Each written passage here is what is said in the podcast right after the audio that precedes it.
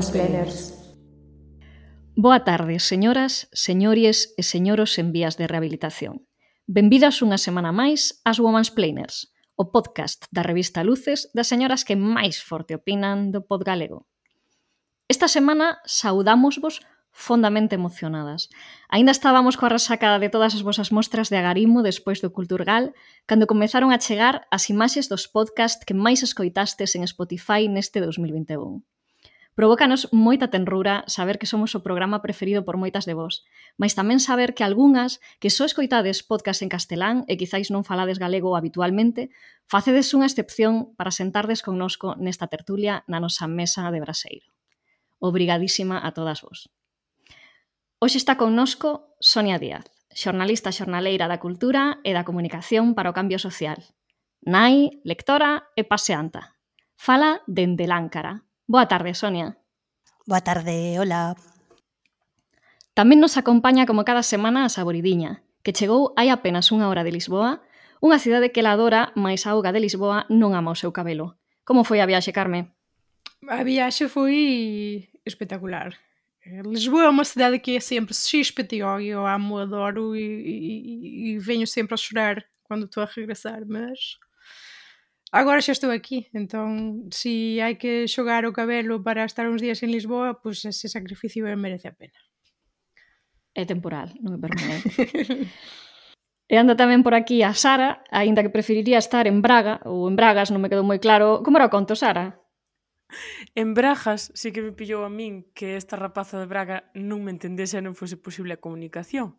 Pero bueno, se cadra tamén foi que eu tive un pouca paciencia, así que outra vez será. Eh, pero escribiches con geada ou con o rollo? Pois non, ni sequera grafei a geada, así que Ai. nin esa excusa tiña. Ai, un reponantes os portugueses. Eh, está connosco naturalmente o Janito, que como ser de luz que é, onte colleu o tren para ir a Belgrado ver as luces de Nadal. Boa tarde, Janito. Boa tarde. Segunda visita xa repaso as luces luces da cidade. Esta delta volta fun co, co meu fillo tamén, miña nai e meu fillo. Eh, bueno, o neno non dixo que non lle gustaran, pero o neno é extraordinariamente educado. Grazas, Janito. Pois eh, hoxe temos connosco a Sonia, que como xa adiantamos é, entre outras moitas outras cousas, nai, igual que a saboridiña. Ese vai ser un pouco o tema do noso episodio, a maternidade e mai a violencia obstétrica. A nosa primeira pregunta da tarde tena Sara, Sara, que lle queres preguntar a estas señoras? Pois eu quería comezar este episodio cunha pregunta, ou mellor dito, se cadra a pregunta. Por que pensades, eh, Carme e Sonia, especialmente vos, eh, que as mulleres deciden ser nai ou, no vosso caso, porque o decidichedes vos? Empezo eu. Dalle. Veña, eu aviso que... Mmm, que empezamos cunha pregunta que parece sinxela, pero para que eu só teño unha resposta complexa e profunda e un pouco triste tamén. É un, entendo que é algo inesperado nesta temática, non? Pero é así, entón imos alá. Eu nunca quixen nunca quixen ser nai, nunca. Eh, dende pequena sempre tiñen, tive, tive moi claro que non quería ter descendencia ou polo menos non biolóxica. Eh, ata que os 35, máis ou menos, unha das miñas mellores amigas de, da infancia, unha das miñas mellores amigas de toda a vida, mm, morreu de cancro despois de pouco despois de ser nai. E esa súa vivencia da maternidade, dunha maternidade tan tan triste e tan complicada en moitas cousas, pero que para ela foi tan feliz, tan inmensamente feliz, pois fíxome replantexarme un pouco a miña decisión e, e tampouco me deu moito tempo a, a pensalo, a verdade, porque a bioloxía foi teimuda eh, nese microsegundo no que dubidei se si quería ser nai ou non, quedeime embarazada. Carmen? Si, sí, eu non teño moito unha resposta de, de por que as mulleres deciden ser nais. O que me Mm, ronda moito a cabeza é a, a cuestión do instinto, que moitas persoas din eu non teño instinto maternal.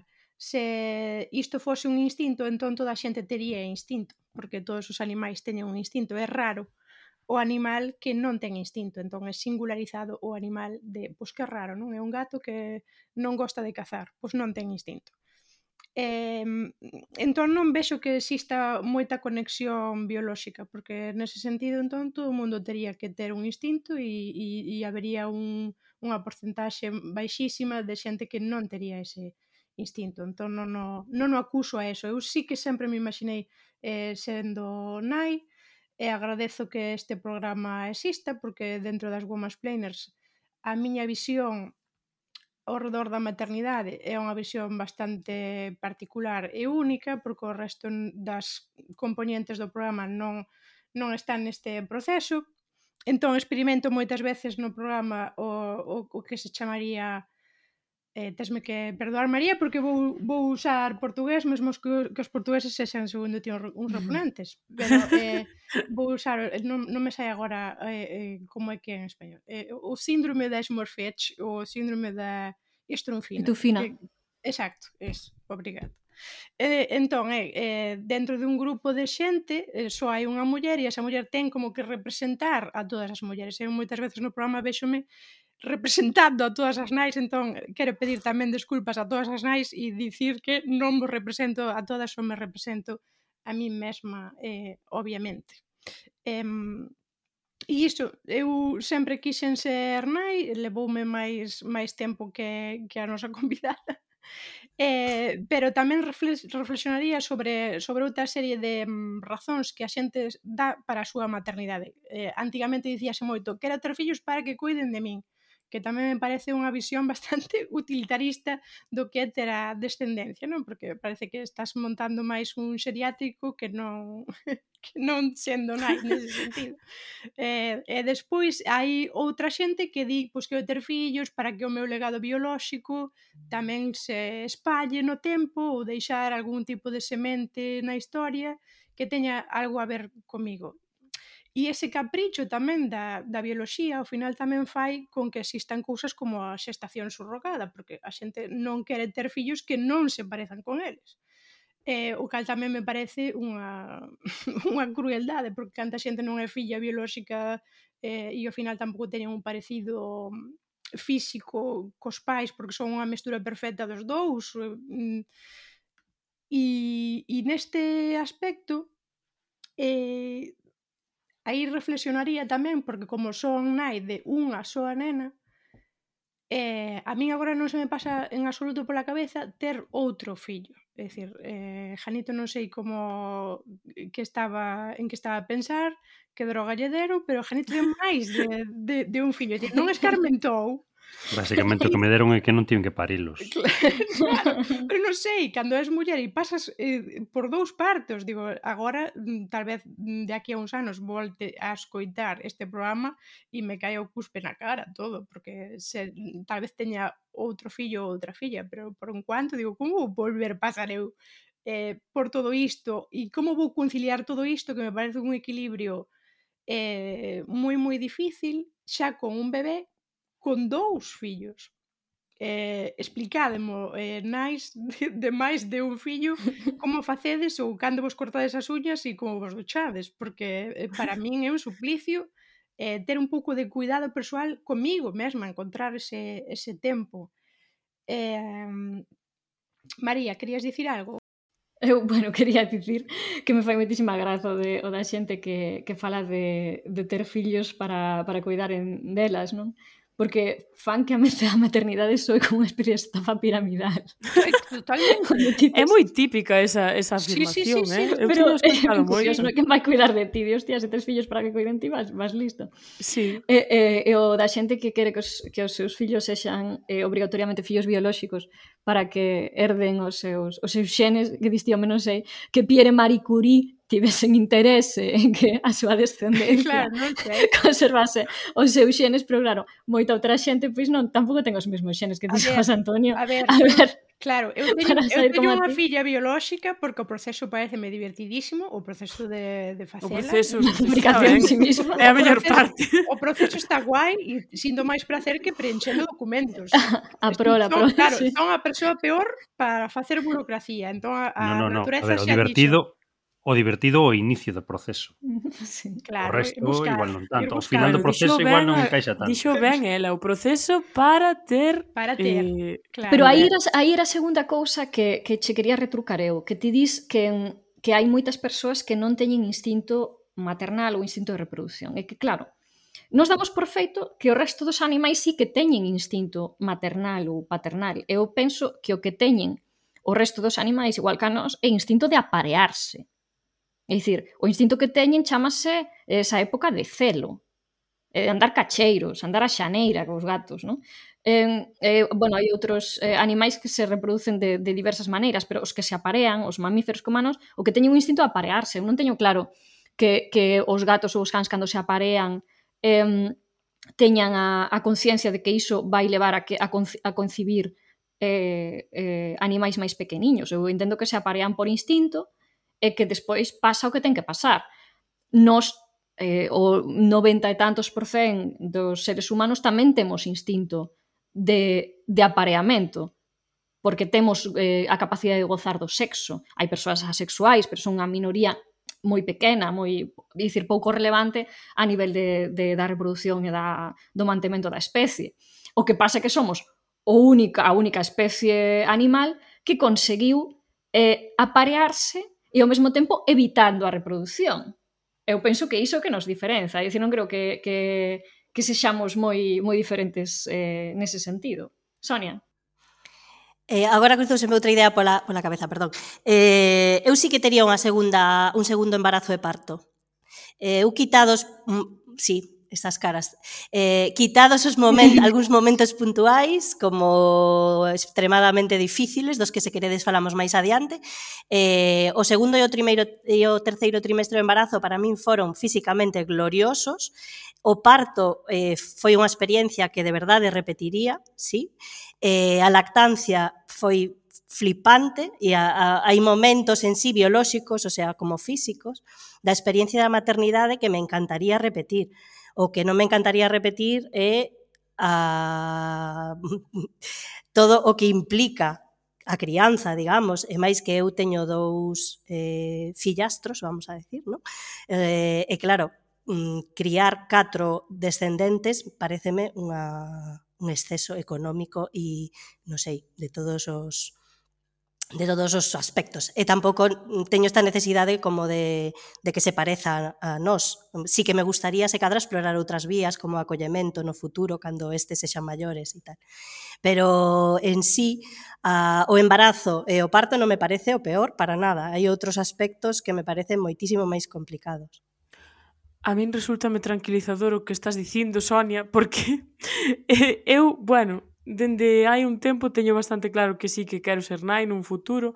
Eh, a maioría das experiencias que escoito son un pouco desalentadoras, eh, canto menos, non? A hora de decidirse a, a pasar por un embarazo e por un parto. Entón, alégrame moito e de veras paume moi contenta escoitar tamén experiencias positivas eh, sobre estes procesos vitais. Malvada profe. Eh, Sonia, sei que unha das cousas das que querías falar era desta, bueno, da relación que ten a, a muller nai co, co propio corpo e como se provoca unha certa alienación do propio corpo, non como deixa a certo punto de, de pertencerte. Esa é unha reflexión moi interesante que, que me encantaría que, que desenvolveses para os nosos ouvintes. Eh, sí, eu creo que hai unha experiencia íntima que, que é moi interesante que eu entendo que queiramos vivir, porque de verdade que a relación co teu corpo ser capaz de xerar, alimentar e expulsar e despois alimentar fora outra temporadiña máis ti soa ata que a cada unha certa autonomía é fascinante a nivel íntimo é fascinante para min foi no polo menos, non? Pero o que rodea socialmente este proceso é violento, para min fortemente violento, especialmente nese aspecto que, que falabas, non? en como se xa o corpo da muller eh, é un activo colectivo habitualmente non? Eh, en todo o mundo, especialmente en zonas, en zonas de conflicto, e na guerra, isto está moi estudiado. Eh, a miña experiencia persoal da maternidade é que dende que te quedas embarazada, se cadra xa antes, cando empeza a, a ver se te vas quedando embarazada e entón todo o mundo empeza a preguntarche que pasa, basta quedar embarazada ou non? Vamos falar desto porque é moi interesante para o resto da xente que te rodea esta decisión particular e individual túa. Eh, por que tes ti que ter esas conversas con xente descoñecida? Por que tes que explicarlle a un eh, xinecólogo, se vas ser nai ou non e cando, eh, por que estás segura de verdade desa decisión que tomaches. Iso é algo que todas ou case todas nos vivimos. Pois desde que te quedas embarazada é peor. De repente todas as decisións físicas túas que, que mm, competen ao teu corpo eh, son valoradas colectivamente se comes ou non comes algo, se tomas café ou non tomas café, se lavas o pelo con un champú que ten mm, parabenos, que non sei explicarvos.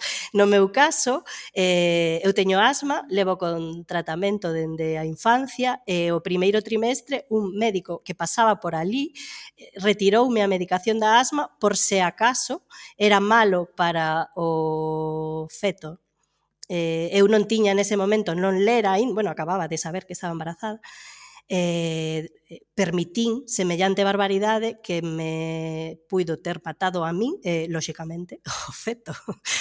Eh, toda unha serie de, de, de decisións que son do teu propio corpo deixan de ser en exclusiva túas e para, para ata que das a luz. Isto xa é para sempre así, todo é debatible, negociable eh, e, e, e eh, a túa opinión non é máis que unha opinión máis, non é a, a definitiva, digamos, non? Eh, non sei se Saboridiña ten a mesma Sí, eu exactamente igual, todo é pasado por unha peneira e parece que todo ten que ser aprobado polo resto da, da túa tribu e ti deixas de ser ti e ten que haber un sanedrín que decida se ti podes tomar café ou non, porque, porque parece que se te achica o cerebro e ti mesma non podes tomar as decisións. Eh, quería dicirlle a Sara, porque me quedou aí atrás, eh, eu teño e tiña a mesma sensación de que cando falamos de gravidez, parto, posparto, realmente son nos chegan as partes eh, máis negativas. Eh, pero tamén se pensades un pouco eh, todas as informacións novamente que che dan de moitos outros aspectos cando alguén pasou por unha experiencia negativa é o primeiro que che vai contar. Se ti, imaginemos, non? Ti vas a un restaurante e hai máis críticas, eh, a xente escribe unha crítica negativa do restaurante porque lle impactou máis pelo negativo, entón eh, móvese máis a escribir esa crítica no, no Google e as persoas que tal vez teñan un, unha experiencia máis positiva, pois eh, están máis máis caladas e, e non o partillan tanto.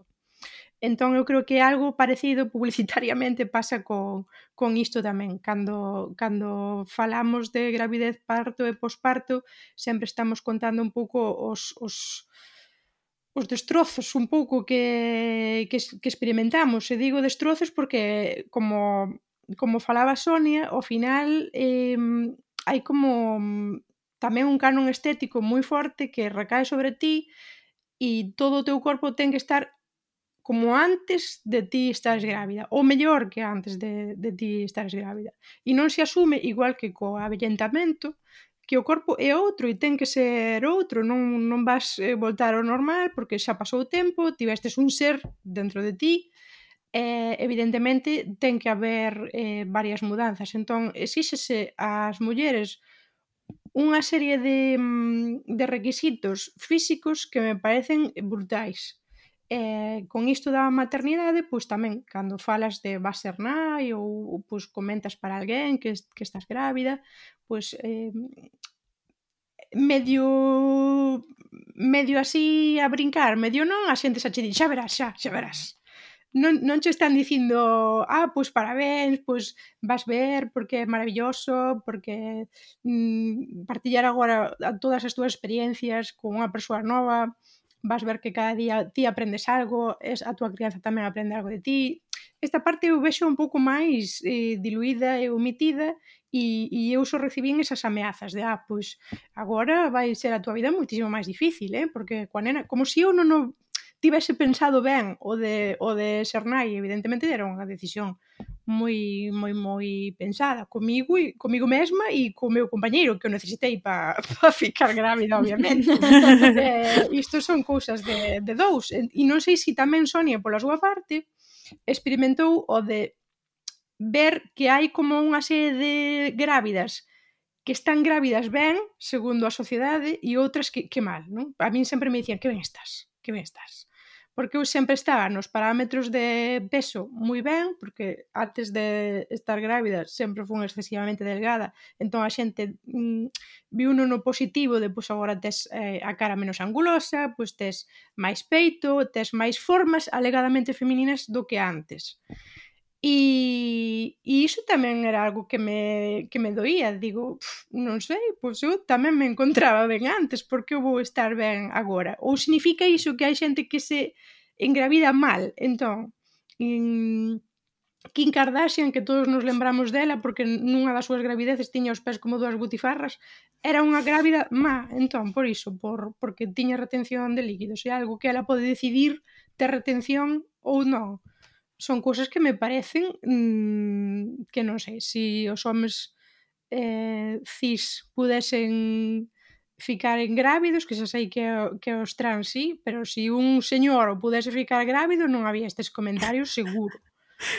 E se si tedes unha aplicación desas de, de um, seguimento da menstruación que eu tiña, esa, esa aplicación que eu tiña, facía tamén un seguimento de, da fertilidade. Pois este día e o que é idóneo para, pois se estás a, a procura do bebé, pois é mellor que o intentes nestes días. E deime conta de, de toda esa perspectiva corporal que hai, porque unha vez que eu fiquei grávida, a aplicación manda unha serie de información sobre como está o teu corpo en cada mes ou cada semana, desculpade, da gravidez que pasa no teu corpo e como está decrecido o feto e, e que cousas vai adquirindo E unha vez que naceu a miña filla, a aplicación xa non me dixo a mí máis nada. Entón, dixen, e, e o meu posparto non hai ningunha información de como vai estar o meu corpo despois, porque agora só se me está centrando en, pois, a túa filla agora debería de ter non sei cantos dentes, vale? Moi ben. E eu, vanme caer algúns. Eh, mm, que pasa? Non me vas dicir nada máis. Xa toda a atención vai ser eh, sobre o bebé, que normalmente é. Eh, entón tamén é algo completamente ignorado, por non falar da escasa, nula, cero información que hai sobre a saúde mental durante a gravidez. Só se está falando da depresión posparto. Pero a min en ningún momento dos meus nove meses de seguimento ninguén, nin no centro de saúde, nin no hospital me dixo entón ti como estás? Estás animada? Non estás?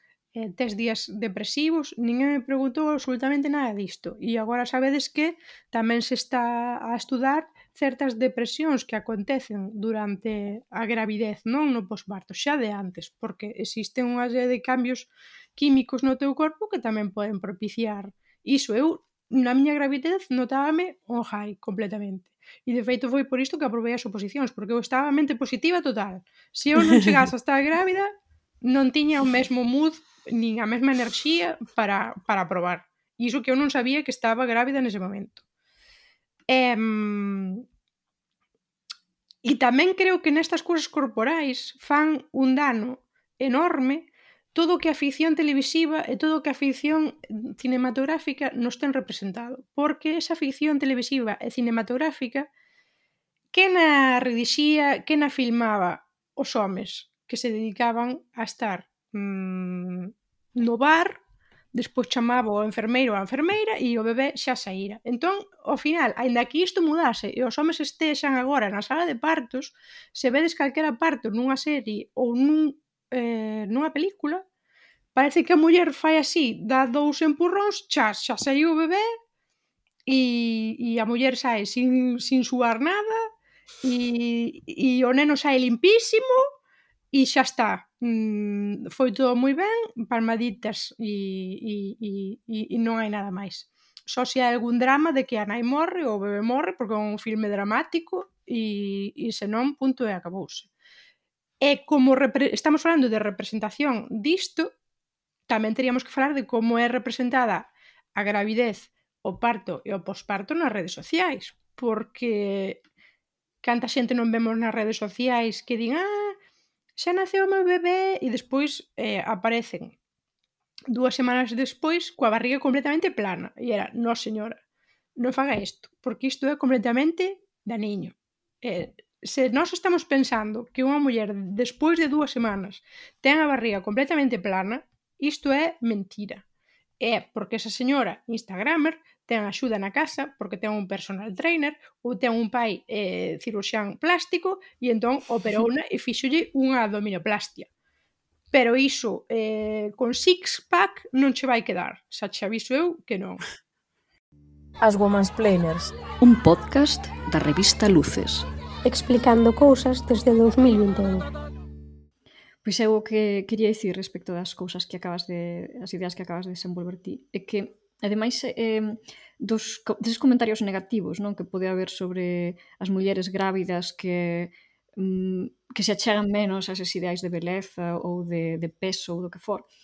Que verdade que eu os comentarios negativos normalmente non os oio. Entendo que a mirande parte da xente é suficientemente sensata para non eh, non acosar cos seus comentarios indesexados as embarazadas que engordan eh, máis do que se esperaba ou que se lles hinchan os pés porque reteñen líquidos ou que non teñen o cabelo limpo porque as hormonas fan que se, que se lle engraxe máis ou, ou, ou que sexa o caso pero sí que é verdade que o que vese todo outro, non? É dicir, eu precisamente pois na miña familia a xente como, pois, como moi magra como a ti, por exemplo, a miña irmá maior quizáis teña unha unha constitución parecida á túa e é dese tipo de mulleres que, que claro, que se vía moi favorecida co embarazo, non? Porque su, pois, sempre fora moi magra to punto de que se lle marcaban igual os osos, que non tiña, bueno, nunca tivo celulite, en cosas destas, e de súpeto, pois co embarazo tiña máis carniña na cara, o rostro menos anguloso, de súpeto tiña peito, se podía lucir así, os, as mamas máis grandes, vamos, podía lucir así un escote con máis xeito, entón, todo o mundo lle, lle facía moitos cumprimentos. Entón, eu creo que para outras grávidas o, o negativo ás veces é ver ca, cara onde se dirixen eses cumprimentos, non? que o que fala moita xente da gordofobia, eh, xente que consigue adelgazar, e di eu nunca recibín acoso como gorda ou como gordo, que, que hai xente que a maioría da xente posiblemente sí, pero hai moita xente que nunca recibe, pero que despois cando adelgaza comeza a recibir moitísimos cumprimentos de xente de que nunca recibira e moitísima atención e que a súa eh, delgadez é premiada, non? Entón, claro, eu penso que, claro, se si é unha embarazada máis estándar ou, ou menos afortunada nese sentido, que debe ser bastante negativo. E ademais, eh, ti falaches, dixeches unha palabra cara ao comezo do, do, teu, do teu parlamento, que era eh, a palabra destrozos, non? E é que cando falamos de violencia obstétrica, ás veces esquecemos que a propia gravidez é extremadamente, e o parto son extremadamente violentos, é dicir, ademais do que poida eh, eh, sufrir unha determinada persoa eh, do que, das determinadas opresións ou violencias que poden ser practicadas por persoal médico ou por outras, ou por outras persoas, o propio parto ou a propia preñez poden ser moi violentos. Eu, nun, claro, nunca conto, eh, ti dis que, que a xente che contaba as, as historias máis truculentas e máis dantescas, non? Cando, cando estabas embarazada, eu pola contra, sempre que alguén me di que está, eh, que está grávida, pois non, non lle conto ningunha das últimas anécdotas da miña contorna, porque eh, nos últimos pois, eh, tres anos, as tres persoas, das tres persoas eh, máis achegadas a min que quedaron eh, grávidas, dúas non tiveron unha preñez que acabou sen, sen crianza. Unha porque lle morreu no parto e a outra porque lle morreu aos sete meses. No? Entón, claro, eh, son o tipo de historias que non lle contas a xente. Eu non sei en que, en que demos pensa a xente que acaba eh, soltando ese tipo de, de historias a unha, a unha nai que pode, que pode como tiben apuntaches, pois ter unha saúde mental máis sensible, máis delicada, porque está pasando por un proceso que é moi estresante, moi exixente co seu, co seu propio corpo, non? Eh, en ese sentido, claro, como, como falaches dos destrozos e todo isto, eu tiño unha pregunta que quizáis se tedes algún comentario máis disto xa, xa podedes eh, aproveitar e, e responder, que é que as mulleres abrazamos ou abrazades a maternidade a pesar de todas as complicacións, no? dos, dos problemas de saúde eh, física e mental, das molestias en xeral que, eh, que sufrimos eh, durante e eh, despois no? da, da gravidez. Vos pensades que, alén desas, deses eh, elementos máis truculentos non que puido recibir Carme, que estabades informadas de verdade sobre eses aspectos do preñazo e do puerperio antes de ser desnais? Ou pensades que outras mulleres reciden, reciben información abonda antes de decidir ser nais? Ou pensades que en realidade se fai bastante bastante a cegas? Eh, Sonia? Eu quería contestar antes ao tema de, um, mm, do corpo, non? De, de, durante o embarazo, eu non son delgada, nunca fui unha persoa delgada, aparte son baixiña, e, e sen embargo, durante o embarazo, todo era, mm, estás fermosísima, eh, todo era maravilloso, non? non? Non creo que teña tanto que ver co, co peso, en realidade. Creo que pode ter que ver, pois, eso, sí, co, coa hinchazón, que non é algo bonito de por sí ou outras cuestións. Despois o pelo, o pelo en realidade está fantástico, direiche, no terceiro trimestre hai un unha fantasía. O pelo é un espectáculo. É un espectáculo. Eu creo que, eu creo que só merece, vamos, se si, si non tedes ganas de ter fillos só polo cabelo que queda, Aí hai unha cuestión hormonal, wow. sí, impresionante, non? Eh, a pel tamén, tamén hai certas cuestións que son, pois é, hormonais, entendo, Sara seguro que sabe mellor, pero vaya, que, que estás obxectivamente mellor en determinados aspectos, pero a xente ten a ben contarcho eh, ata que da salud. Desde ese momento, por un lado, como moi ben dixo xa Saboridiña, eh, desapareces, vale? Porque hai eh, o obxeto Eh, bebé que era realmente o que todo o mundo estaba agardando e xa chegou e ti xa deixas de ser, ser secundaria unha vez máis, non?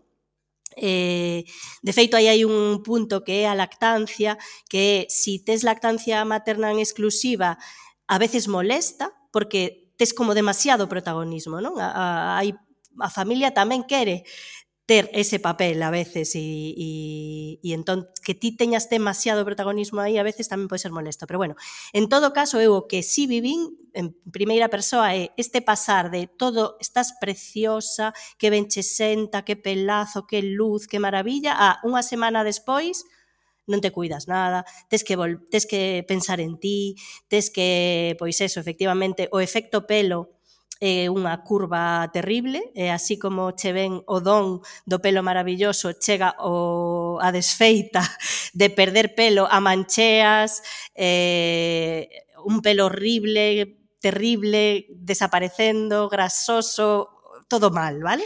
Eh, e aínda por riba, efectivamente, non tes tempo para ti, nin para perdí moito pelo coa gravidez tamén.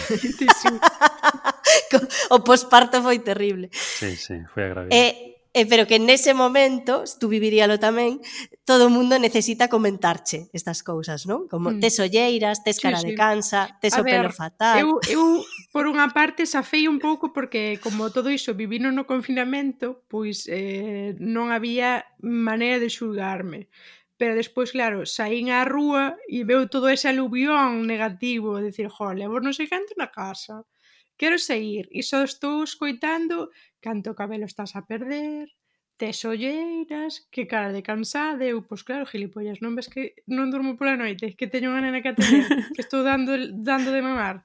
Non durmo, obviamente, entón vou ter olleiras. Quería... Si, sí, tes que coidarte. Cla sí, tes que coidarte. Tes que coidarte. Sí, sí, sí, sí, que coidarme é que, que me veña un, un empregado ou unha empregada e que me pase a noite coa filla para dormir 10 horas seguidas. Ese, ese é o cuidado, pero como non son de high class, pois teño que apandar eu co meu, porque para eso tamén decidín ser, non? Eh, falábamos antes do, do, do dos destrozos, porque usei esta palabra, e, e, e tamén falei do da saúde mental, que dixo mm, a malvada profe que estamos nun punto moi vulnerable neses momentos e a xente non mide moito o que di. E mm, eu teño que dicir que algunhas das veces quen por quen eu máis me sentín agredida foi polo persoal médico que me atendeu nos seguimentos. Tive un un percance aí no, no centro de saúde da Guarda, pois eu estaba a pasar Eh, o meu período de prácticas, despois de aprobar as oposicións, o meu destino foi na guarda, entón imaginade o percal, estar eu bastante lonxe da miña casa, pasando unha gravidez soa, porque o meu compañeiro non podía vir á guarda todos os días, obviamente, entón viña de cando en cando para, para axudarme con, con cousas, pero maior parte das veces estaba eu soa. E nesto que, claro, andando de casa para o instituto, pois eu non sei se era porque era moi de noite, se había óleo na estrada, se son torpe, ou tamén non sei se sabedes que eh, as articulacións tamén abrandan un poquinho durante a gravidez para ter conta aí do peso do feto, entón non, non estás mm, con movimentos moi xeitosos. En fin, caín. E caín eh, debía de estar eu no cuarto mes de de gravidez, é dicir, tampouco eh, era un momento en que eu notase o, o feto. Entón, seguín andando para o instituto e dei-me conta de que tiña o queixo mm, a, aberto, que necesitaba, obviamente, ter puntos de sutura. Eu pensaba que o golpe non fora así tanto, pero fixen así, vin que estaba a sangrar e dixen, ah, pois teño que ir ao centro de saúde que me, que me cosan isto. E daí entrei en, en pánico en psicose, porque eu dixen, eu sei que caín co queixo para protexer a barriga dese impacto. Sei perfectamente que non caín ca barriga, pero nese momento estás tan tan nervosa porque é un período moi vulnerable aínda da gravidez, un mínimo golpe pode supor eh, un risco grande, que ao chegar ao centro de saúde da guarda dixen, ok, mm, tedesme que coser, pero se si existe aquí a posibilidade de que me vexa unha matrona, por favor, que, que me monitorice e que me diga que está todo ben, só para eu ter a seguranza diso. Ese foi o, erro, o erro maior da miña vida, como, como nai, o peor que poden facer nese momento. Porque, xa digo, estaba nunha situación de moita soidade que non tiña quen botar man, entón foi, eh, foron dúas profesoras do instituto que nunca terei a gratitude suficiente para lle agradecer isto, este xesto que me acompañasen ao centro de saúde. Entón, ao chegar ali coa matrona, a guarda non é un centro de saúde que teña mm, as mellores condicións mm, técnicas nin de aparellos nin nada, entón eu sei que é un exaxero, pero vou vos describir. Eh, ali había un aparello, nin siquiera había un, un monitor mm, para ver con unha ecografía como está o feto. Ali había un aparello que era pouco menos que dous envases de petit suisse unidos por un cordel. Entón a señora puña, a señora puña un petit suisse sí. nunha orella e outro petit na miña barriga.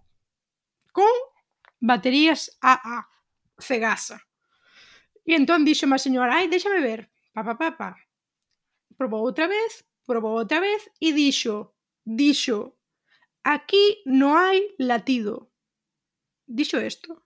Non dixo, con estes aparellos non son capaz de escoitar o latido, que sería a información que me tería que ter dito. Eh? Porque nese momento que che digan así, flipas porque o dixen por su normal, por caer, acabei de matar a miña filla. Eso é o que pensei eu. Entón imaginade, porque me dixo, tes que ir agora a un hospital de Vigo, que é o Álvaro Cunqueiro, se non me engano, non? Está en Vigo.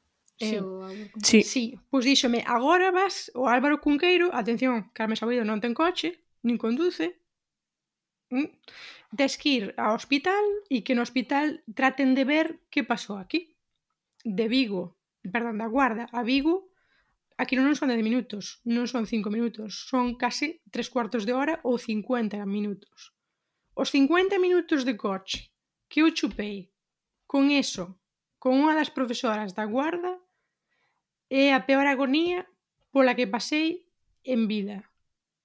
E volvi, volvemos o da saúde mental e o de, e o de, o de transmitir mensaxes. Ten que haber xente moitísimo máis preparada para transmitir unha serie de noticias. Se ti non tes os aparellos para poder escoitar isto, tes que dicir, pois mira, non hai as condicións aquí porque despois cheguei ao Álvaro Cunquero e pouco menos que me dixeron a que ves aquí? Se non caíches coa barriga, a que ves aquí? que estás tamén mm, acumulando xente na nosa axenda. E ao final puderon ver que estaba todo ben e dixeronme, vas ser unha nena. Se tiñas dúbidas de ser un neno, unha, un nena, un neno unha nena, se queres saber, pois é unha nena. E digo, vale, bo, pois un o susto ainda me valeu para algo. Eh, pero, en fin, eh, toda esa experiencia boa que eu tive no parto, no seguimento, para min foi un pouco tremendo isto e, e por sorte tiven un parto super bo e, e respeitado pero eu creo que aí fai falta un pouco de mm, mm, remodelación de vir persoal novo con outras eh, formacións, con outro punto de vista. Aí Sara seguro que, que nos pode dicir porque ao final eh, as matronas tamén son enfermeiras e supoño que hai, como en todo, bella escola e, e nova escola, non sei, Sara? Eh, eu a conto disto, máis que dicir, quería preguntar algo. Pero sí, é certo que as, as matronas novas que se están formando actualmente, por sorte, a maioría, veñen con outro tipo de mentalidade, igual que pasa en calquera campo da ciencia en xeral, e eh, da enfermería eh, en particular. Pero eu quería preguntarche tanto a ti como a Sonia, porque a min como como enfermeira e como posible futura nai preocúpame dende ambas perspectivas. E a pregunta é: que cambios propoñeríades para mellorar a atención eh, das profesionais que atenden eh, o seguimento ao longo do embarazo, despois no momento do parto e posparto, eh, que cambios propoñeríades como, como mellora neste sentido? Non sei quen estaba antes, eh, Saboridiño. E que, e que me estou dando conta son. de que me ficou a pregunta da malvada profe por responder porque non a respondín. Liéme con isto e coa emoción non a respondín. Eu non mirei absolutamente nada. Tiña a app do telemóvel que me dicía agora isto, agora outro. E non quixen ler ningún tipo de literatura porque me, me sobrepasaba a cantidade de literatura que había ao redor disto e dixen eh, información ao máximo pola miña personalidade, eh? pola miña personalidade, información ao máximo vai te estresar. Entón ti mm, embarazo for dummies. O pouco, o pouco que haxa, quedas con eso. E se tens dúbidas, preguntas á matrona. E fixen así, e non me arrepinto. Eu sei que, por exemplo, Sonia ten outra experiencia e tamén está contenta con como, con como ela fixo ao redor da pregunta que formulas ti, Sara, eu creo que a atención que se dá é completamente paidocéntrica. Uh -huh. É dicir, no momento en que ti estás grávida dunha semana, están dando máis atención a aquilo que é un chícharo que non o, a, a ti que es todo o envoltorio deso e, e, e, e esa persoa que vai cargar con iso e es corpo e mente. Entón aí penso que sería mellor unha atención moito máis xinecocéntrica, non? que sería a, a palabra, porque non o está a ser. Onde as mulleres sexan escoitadas, onde non sexan infantilizadas, onde tampouco se romantice co, co, coa maternidade, que se asinalen os pros e os contras, que ao final todo isto eu creo que mm, por moito que ti leas É un proceso moi análogo á morte, o nacemento, eh? Porque por moito que ti asumas que alguén da túa familia vai morrer, no momento que morre, mm, pode ser mm, máis ou menos con dificultade capaz de superalo ou non. Por máis que ti teñas feito idea disto. E coas nacementos, porque ao final se está desvendo a morte xa está fora da nosa sociedade e os nacementos tamén, porque están medicalizados, entón é moi raro que nos vexamos hoxe morrer alguén e nacer alguén. Cos nacementos acontece o mesmo. E, por máis que eu me faga unha idea de pois a miña maternidade vai ser así, vou facer así, ao final é algo que tamén tes que facer en equipo co teu bebé e o teu bebé pode sair con un carácter que con que ti non contabas, unhas necesidades con que ti non contabas e podes ler e formarte, sí, pero ao final cando te vas ver é na situación e ata que se dá o momento da situación non, no, mm, a mí me parece moi incontrolable iso, porque escoitei moitísimas experiencias sobre maternidade e ningunha é como a miña. Incluso escoitei moitas experiencias de maternidade en nais que son nais de dous fillos e din non ten nada que ver o meu parto do primeiro co meu parto do segundo. Eh, a miña sensación de gravidez co primeiro como a miña sensación de gravidez co segundo. Entón, incluso diría que hai sensacións de maternidade diferentes mesmo nas propias nais. Non sei se Sonia concorda. Eu é que son moi de ler para todo. Eh, Aquí teño unha anécdota que non ten nada que ver, pero a, a primeira e única vez que fun esquiar, dixeronme para aprender a esquiar tes que esquiar. Eh, súbete os eh, esquís e tírate. Estiven seis horas tirándome de cabeza, como que di, non? O sea, caín de todas as maneiras posibles ata que alguén se apiadou de min e me explicou o que había que facer e en cinco minutos entendino na miña cabeza e fun capaz de facelo. Eu necesito ler para todo, necesito pasarlo todo pola, pola razón, Eh, eu lin todos os libros que caeron nas miñas mans sobre a maternidade. É certo que hai mm, moitos, que hai moitos que están sacralizados e que me parecen mesmo perigosos. Xa non é só que non os recomende, senón que os desrecomendo, pero hai eu recomendo vos dous. Eh, por se vos interesa. O de la nueva revolución del nacimiento de Isabel Fernández Castillo é máis sobre a cuestión biolóxica, digamos, sobre o que é o proceso de embarazo e parto, eh, en concreto sobre o parto, e o de Donde está mi tribu de Carolina del Olmo, que é máis sobre a cuestión social, sobre a crianza, a soidade, eh, e como se pasou desta crianza colectiva a unha crianza individual sen mediar solucións ás dificultades que isto comporta. Non? A min os dous resultaronme eh, moi aleccionadores e axudaronme moito a afrontar a, a miña propia maternidade, aínda que efectivamente, ata que van sucedendo as cousas, non vas reaccionando a esas cousas, nin sabes como vas facer, pero, en fin, eh, a min axudaronme.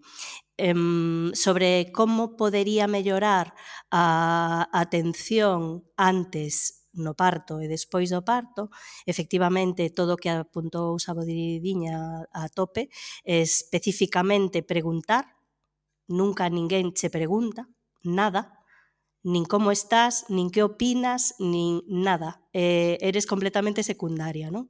Eh, explicar e informar, porque efectivamente tamén como di María, hai moitas cousas que non sabemos e está ben que non las digan, pero sen paternalismos e evitando esa infantilización que é continua e que é super molesta. E despois tamén, eh, para poder informarnos, o persoal ten que estar formado e actualizado. E hai veces que che negan cousas que ti sabes que son certas, ou que che din polo contrario, non? A min dixeronme pois que non podía beber auga durante todo o proceso de dilatación e, e todo, non? Que non me preocupase porque me ían poñer unha vía, entón ia estar hidratada, eh, pero que estaba que non estaba recomendado beber auga. Eu sabía que non era certo e ademais eu bebo moitísimo e é algo que me angustia psicolóxicamente non poder beber vale? É algo psico... Eu xa sei que non me vou deshidratar, pero eu quero beber. Tan mm, terrible pode ser eh, finalmente puiden porque parín noutro hospital, pero eu estaba bueno, a min dixéranme que non ia poder beber, non? Con motivos teóricamente científicos que eu non podo entender. Porque ao final todo é, hai estudios que demostran que isto ten que ser así, pero ti non poderías entendelo, eu non teño que explicarche isto, eu só che digo a consecuencia final sobre, sobre ti, non? Eh, e no, e no parto no, é un pouco mesmo, é preguntar, preguntar que tal estás, nunca nin, eh, que xa nin te miran a cara, no? moitas veces nin saben o teu nome. Non é a miña propia experiencia en realidade, eh? quero deixar isto claro porque a verdade é que a miña, o meu parto foi exactamente eh, o que eu querería que fora, foi perfecto e as cousas que non foron perfectas foi porque porque foi así, porque tivo que ser así e non pasou nada. Eh, pero sentíme moi ben atendida, moi escoitada, sabía todo o mundo o meu nome, preguntábanme antes de facer nada, eh, non é a experiencia da xente que é o meu arredor en realidade. Eu teño a maioría da xente ao meu arredor non ten esa experiencia. E no posparto eu non tiven, tiven cero unidades de seguimento posparto. Ningunha. Fun polo privado en algún momento eh, por decir, mmm, non sei, eh, aínda que o parto foi moi ben e non teño pois episiotomía nin nada, pois algo sucede, saiu un ser humano por un espazo moi pequeno, quero comprobar en que estado quedou eso, e eu directamente non podo facelo, entón gustaríame que alguén o fixera, e fum, e paguei, e creo que isto non está ben, que debería estar eh, sistematizado de outra maneira, non? Eh, pero de novo, no posparto, toda a atención que recibín foi relativa ao bebé, en este caso, non? E as, eh, a matrona que me preguntaba era se si mamaba, non se eu sangraba ou deixara de sangrar ou tiña o que se, e que vamos, de feito pedín abertamente revisión por matrona ou xinecolóxica ou o que fora e dixeronme que non estaba contemplada.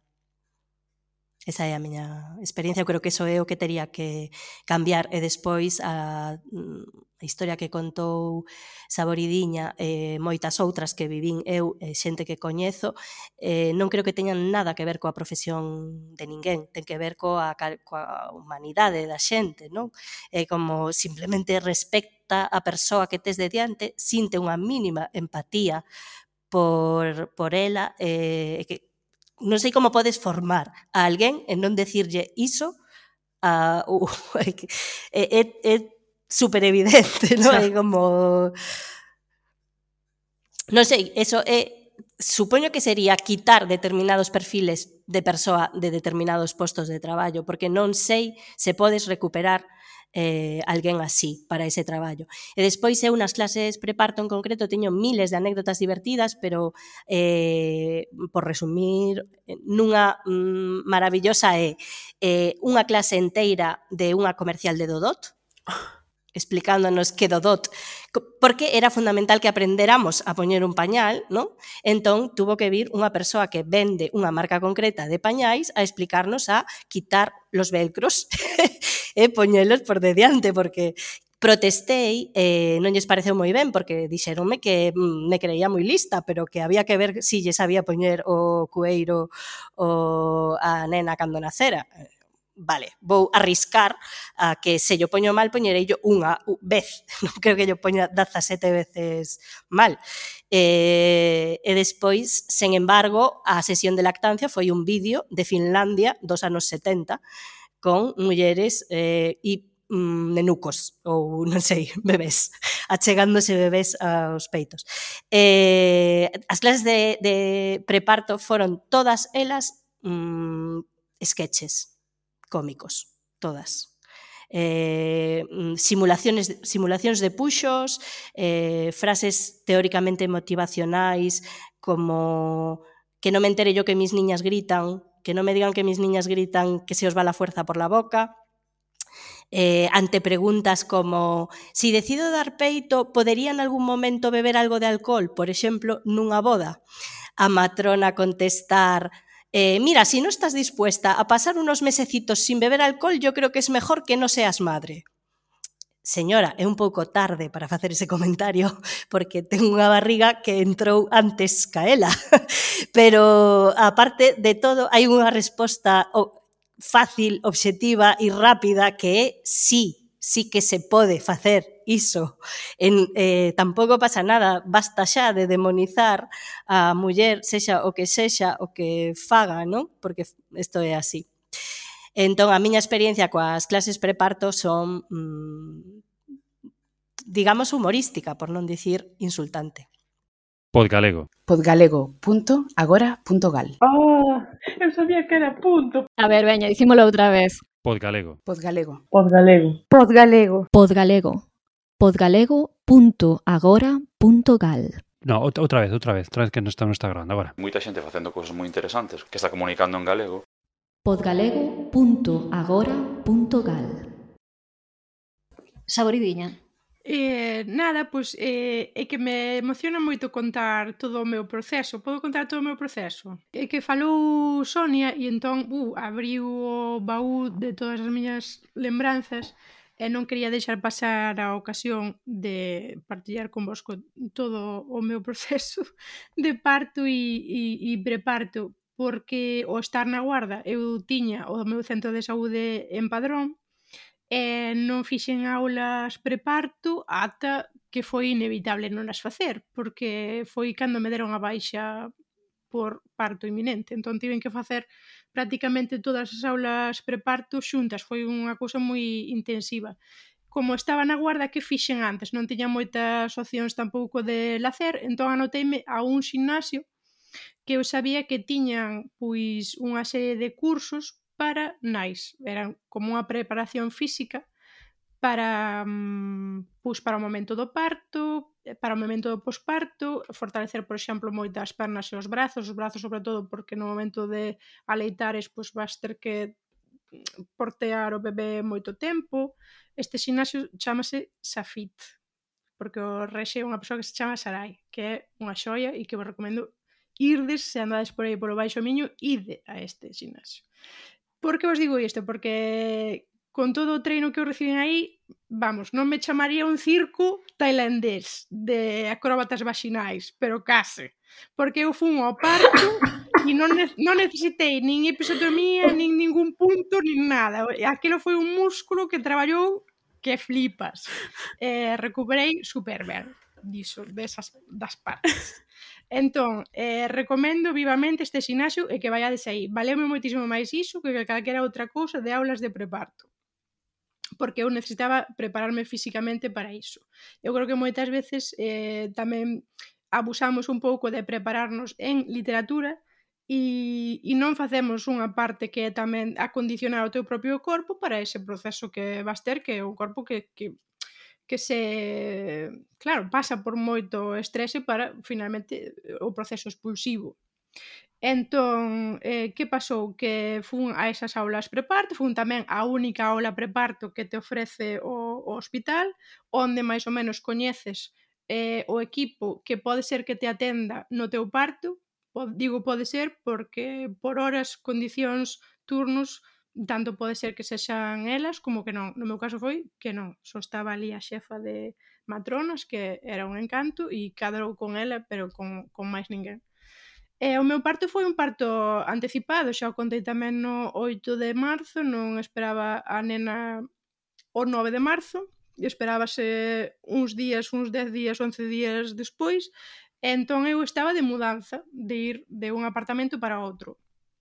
Xa me comentaran nas aulas preparto como ia ser todo iso das, das contraccións e dixeronme ti se comezas a ter contraccións, a primeira contracción non tes por que ir ao, ao hospital. Dache tempo a prepararte un pouco, a almorzares, pois eh, facer un pouco máis pensada a túa mochila de maternidade, etc.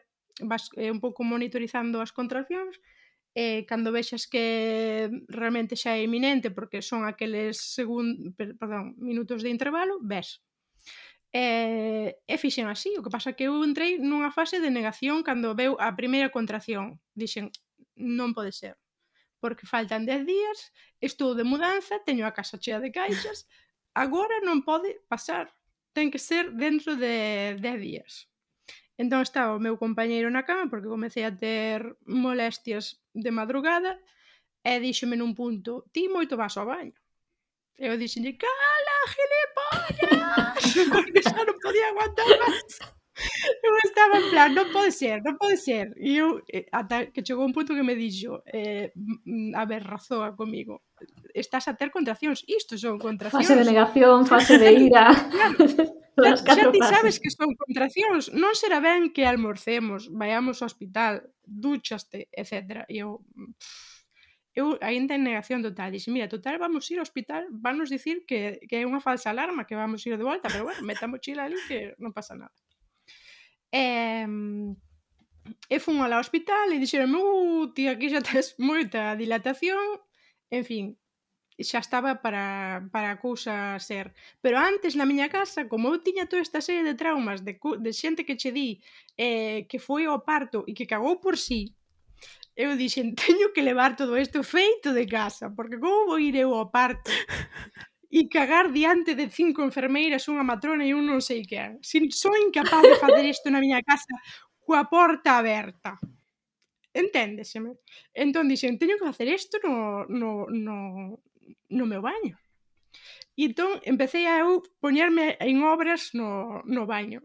E dixen, jolín, a ver se agora vai ser que empurro demais e xa sai todo. Entón fun sin facer nada, porque me entrou unha paranoia e dixen, non, non podo facer isto con tan mala sorte que tamén me dixeron nos aulas preparto que te podías mm, facer como unhas duchas na barriga de agua quente e eso facía con que eh, a dor eh, minimizase un pouquiño. E como estábamos de mudanza e de obras na casa, non había agua quente na miña casa. Entón, todo o odio que eu tiña experimentado alá polas seis da mañán, cando me dixo de, mm, o meu compañeiro, que tal estás? O cala, gilipolla! Entón, mm, empecé a odiar máis, cada vez máis. E fun ali ao hospital E a verdade é que me tiveron bastante no, no rollo ese de na sala esa como de dilatación e eu nese momento dixen, a ver, mirade por min, porque eu mm, non parí nunca antes, pero eu creo que isto xa está mm, para ser. E entón dixeron, non, non, mellor é que vayamos a un cuarto, xa te duches ali con calma, non sei que, non sei canto. E entón puxeron ali nunha ducha, E veume a xefa da matrona e díxome, ui, ti estás? E dixen, claro que estou. Dixen, mirade por min, porque estou pa estar. E aí xa foi cando viron que estaba dilatada mesmo e xa me meteron un pouco así en faena. Eh, remítome entón o do xinasio e a acrobacia vaginal, porque a ver se foi que eu e fixen demasiado músculo aí porque hai como un conducto, non? que é o conducto, o canal de parto que se chama. Entón ese canal de parto explicaronme que tiña como, a ver se me sabe dicir Sonia, como unha, como tres andares. E entón estaba eu empurra, empurra, de todas as veces, de todas as maneiras que me ensinaron a min naquel xinasio e con todas as facilidades que a mí me dera ter entregado o plano preparto porque me estaban sendo completamente respeitosas con aquilo, eh? Eu pude empurrar, eh, mudar de postura, puden beber, eh, a verdade é que estou super contenta con todo o atendimento que ali tal fixen eu. E entón estaba como nunha sesión de cardio de gimnasio bastante potente, estiven así durante tres horas, e o que me dicían é, cada vez que eh, ti estás empurrando, a cabeza da túa filla, cando terminas de empurrar, volve un pouquiño para, para atrás. Entón era como unha especie de ventosa, pero digo que a ver se fun exercitar o músculo demasiado. Eh, e, e claro, chegou un punto que xa pasaran moitas horas, pasaran como unhas tres horas, eh, e dixéronme, xa non é conveniente ou podría ser perigoso se ti continúas con este, con este esforzo, porque eu tiña epidural tamén. Eh, vamos ver porque tal vez o teu, parco, o teu parto teña que ser instrumentalizado. Claro, a min despois de tres horas de estar de córcoras, de estar só con unha perna para arriba, coa outra perna para baixo, eh, empurrando de lado, empurrando do outro lado, dime iso, e cando me din que o meu parto podría ser eh, medicalizado, dixen, jo, pois todo este traballo que eu fixen antes non, val, non valeu para nada, porque agora vanme meter un, un forceps, pois e eu non quería nada diso, e iso sí que non respetaría para nada o meu plano de parto. Entón aí sí que me puxen triste, estaba moi moi motivada nese momento e deu-me moitísimo baixón. E só, só pensei na cara de Paquirrín, porque eu sabía que Paquirrín naceu por ventosa. E dixen, ainda por encima, vai sair unha nena feísima por culpa desto, porque porque me teron aquí tres horas empurrando e vai sair aquí un, unha, unha monstruosidade de, de nena. En ese momento tiven unha sorte tremenda porque houve un, unha mudanza de persoal. E digo sorte tremenda porque, como vos dixen, que nesa aula preparto única que che ofrece o chus que che presenta a certo persoal que pode ser que che toque ese día ou non, a mí non me teña tocado, xa digo, ninguén coñecido, e vexo entrar pola porta a que sería, pois non sei se a xinecóloga, a obstetra que, que mm, que ia chefiar todo, todo o meu parto a partir desa hora. E esa persoa é Isabel Somoza Freiría, que foi comigo ao instituto.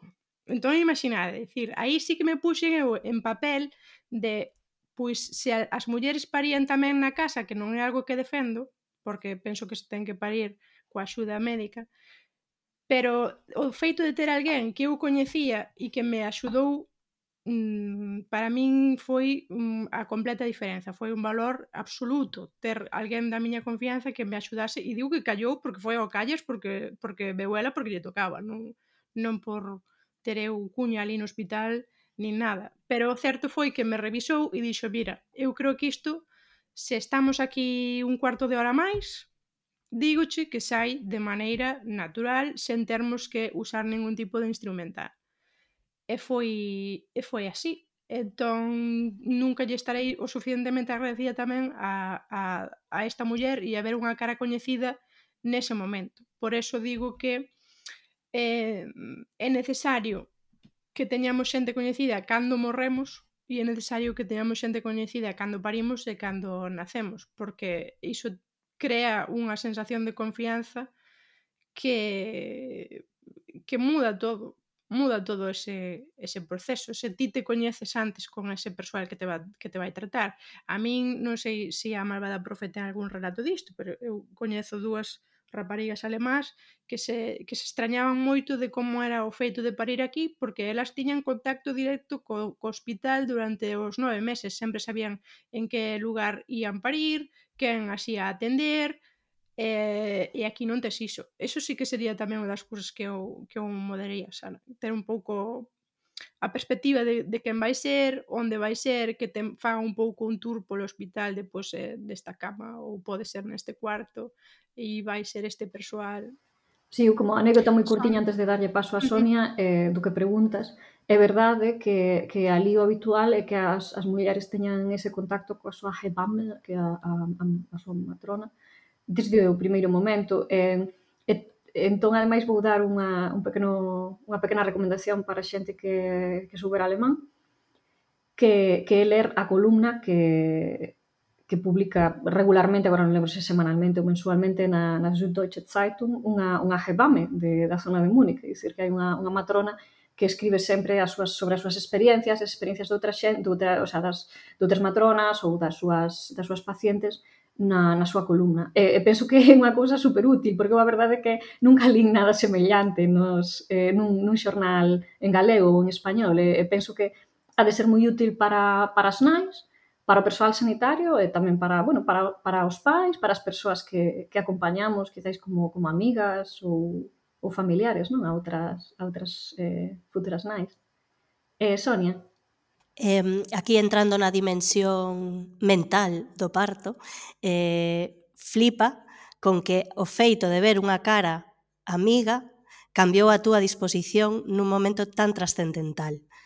Eh, Totalmente, non, non lle saco, non lle saco mérito ao meu compañeiro, obviamente, que me acompañou e estivo eh, na sala de partos comigo dándome ánimos.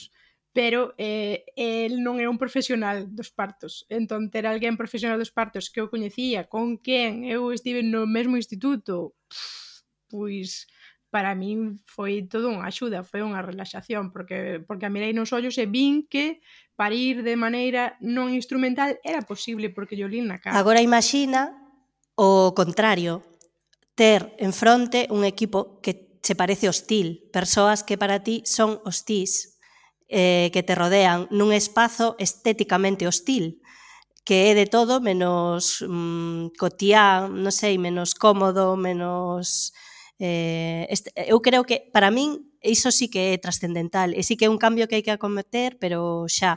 Eu parín tamén mm, tres semanas antes da data probable de parto, aínda que, eh, como vos decía antes por privado, non foi tan así, porque a data probable de parto era ficticia, eh, empeñáronse nas sucesivas ecografías en que era unha, na que era imposible porque a, a concepción non era posible nese no momento no que tocaba.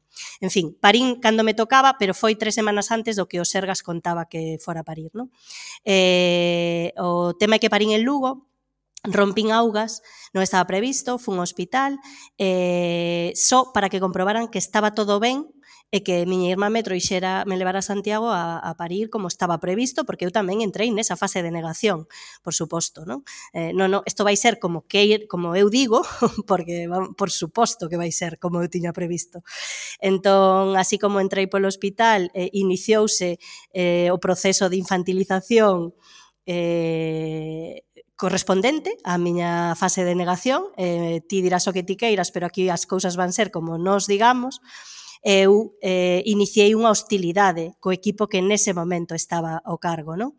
A sorte que eu tiven é que ese equipo non foi, o parín dous días despois, entón non foi o equipo final que me acompañou no parto, pero eu penso que sería moi complicado que eu me relaxara con esa xente. E moi probablemente non é só culpa delas, tamén tamén é a miña responsabilidade, non? De como se iniciou todo o proceso, pero bueno, por exemplo, dixenlles, eu teño un plan de parto, e "Sí, pero está registrado en Santiago, aquí non vale." Eh, digo, vale, pero haberá unha maneira de facer que valga, non? Ou como vos podo transmitir esa información para que a teñades en conta? eh, nese primeiro momento non era posible. O final sí que o foi e sí que foi respetado e super agradecida. Aquí, eh, relacionado co que falábamos antes das experiencias negativas que sempre oímos máis que as positivas, eh, eu quedei contentísima coa matrona que me acompañou. E sempre quedei coa intención de escribir unha loubanza Estou segura de que se fora unha queixa o tería feito, pero o certo é que me avergonza recoñecer que non escribín esa loubanza. Eh, que, que o tiña, recollín o papel e todo, eh, para escribila e, e metela por rexistro, pero ao final, pois, tiña un bebé, chorón, eh, e non fun capaz de, de facelo. Ainda estou a tempo porque o nome sí que o teño e a data e a hora, non? Eh, e os recordos. Eh, no meu caso, estiven dous días de, o sea, desde que rompín augas, xa me ingresaron, estiven eh, dende as 12 do mediodía ata as 9 da noite sen contraccións. Eh, eh, relacionado con esta cuestión de que da forza da nosa mente, de como a nosa mente mm, move o corpo tamén, non? Ata que se foi a miña familia e a miña familia política da nosa habitación, eu non empecéi a ter contraccións. Pero no mesmo momento que dixen, por favor, tedes que marchar, necesito estar tranquila, agradecevos a compañía, pero quero estar soa co, co pai da miña filla, eh, pero é que nin cinco minutos máis tarde empezaron as contraccións. Eh, entón, eu sí que creo que aí hai como unha serie de cuestións que temos que ter tan en conta como as, non sei, o, a tensión ou as medicións estas de Ouriña, non? que é constante, eh, 200 eh, veces fago pis nun bote, pero nunca ninguén me pregunta que necesito, que quero e que sinto nese momento. Non? Empezaron as contraccións, o día seguí estiven toda a noite maravillosamente queimando Spotify e os datos do móvil, e, e o día seguinte, pois como a ti, non? Uh, isto está avanzadísimo, vamos para a sala de partos. A sala de partos eh, eh, non é tan cómoda como a habitación do hotel, de novo é como máis non sei, é como un hospital, non? É como moi esta imaxe de hospital. Aínda así tiña bañeira, tiña ducha, eu sí que me puiden duchar e sí que mm, che podo dicir que funciona, ou polo menos a min funcionábame moitísimo. Estar na ducha era maravilloso, pero dende que che poñen as correas estas de monitorización, xa non hai ducha, nin movimentos libres, nin nada, tes que estar quieta. Eh, eu a priori non quería epidural, aínda que, como me recomendou a miña matrona das clases preparto, eh, dixen que por si acaso sí, eh, porque despois luego las pedí llorando. eh, Eh, sin embargo, no, non a pedín chorando, nin ofreceron moi amablemente en algún momento, porque tamén levaba tres horas puxando e, e xa estaba estancada, e isto é unha cuestión de que te relaxes, entón poñemos epidural, un chupito de epidural, te relaxas e isto acabouse. E así foi, a verdade, así foi. Entón, eu creo que é unha, como unha confianza mutua, non? Ti tes que ofrecerlle a túa confianza a esa xente, pero esa xente tamén ten que gañala. E a veces creo que a dan por sentada ou que a forzan de algunha maneira, non? ou polo menos na miña experiencia, con todo ser boa, boísima, eh, sí que houbo pois momentos mellores ou peores sempre determinados por esta, por esta cuestión. Janito. Respecto ao tema da tema do, da confianza, todo iso co equipo de co equipo de parto, os partos dos, do meu fillo e da miña filla foron moi peculiares porque atendeu nos o meu sogro. Tanto atendeu tanto o tanto o parto da miña filla como o parto do meu fillo. Entón, claro, era a súa filla a que a que a que estaba dando a luz. De feito, atendeu tamén os partos da súa da súa muller. Pero tardeu, tendeu os, os catro partos que tivo na, na súa familia directa. E, e ademais coincidiu cando foi o parto da, da nena, que, que foi o primeiro, cando era, era a primeira vez, que non, non había, eh, bueno, eh, quedara, quedara con ela a matrona coa que traballaba ela habitualmente, por, bueno, por facerlle o favor, quedou con ela a pesar de que non era o seu turno, vale? Para atender o, para atender o parto os dous, pero ademais non houve ningún parto máis esa noite.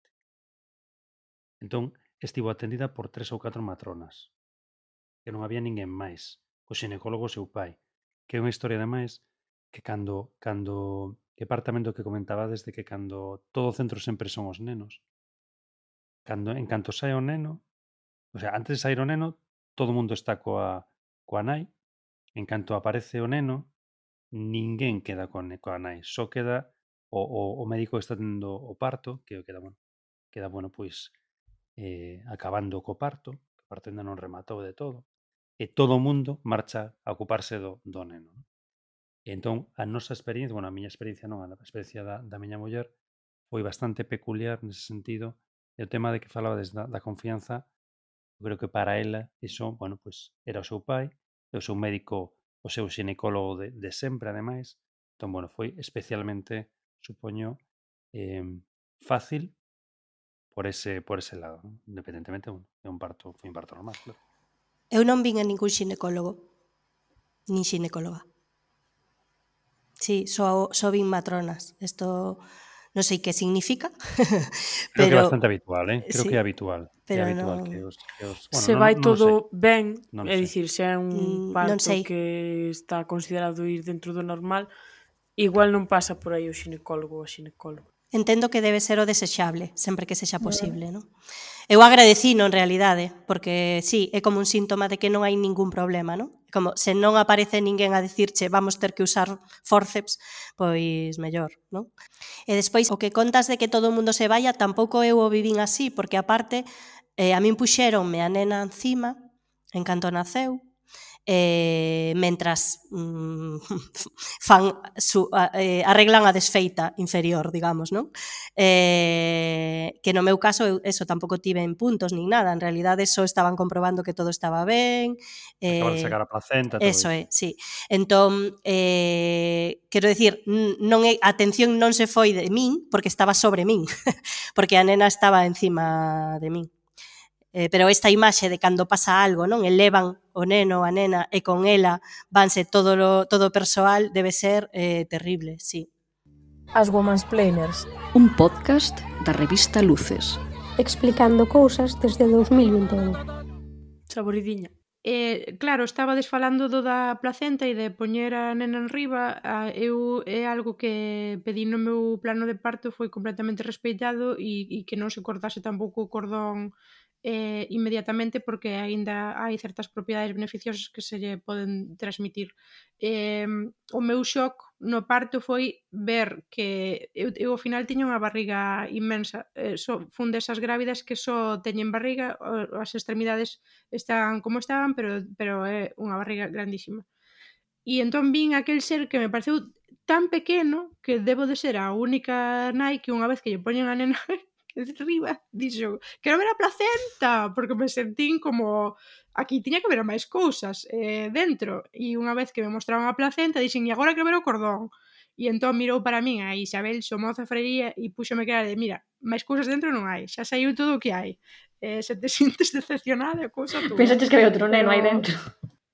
Claro, no, claro, despois o que pasa é que ti, eu polo menos non sei se, se a Sonia lle pasou no mesmo tempo, pero eu estive un mes, un mes limpando o meu organismo, é dicir, botando todo o que había dentro da, da barriga durante un mes, co, co, que isto habería un día que falar das cuecas por parto, de todos os absorbentes e, e da matanza de Texas que, que supón iso, porque é como que che sae un fígado dos, dos que compras na, na carnicería no supermercado todos os días, por aí. Que isto non cho contan, pero os amigas. loquios. Eh, atención, eh? E, e E iso, eh, eu sí que botei tamén de menos, como apuntaba Sonia, que houvese un pouco de máis seguimento do meu posparto, pero achaqueino a que unha vez que cheguei coa nena a casa xa houve un confinamento, entón dixen pois non me chamarán ou non me farán este seguimento porque como estamos nun estado mm, pois iso, de alarma, eh, pois todas estas cousas estarán paradas e só fixen esa revisión coa, coa matrona que coincidiu coa proba do calcañar da nena, unha cousa así, as dúas cousas xuntas, e nada máis. Eh, malvada profe.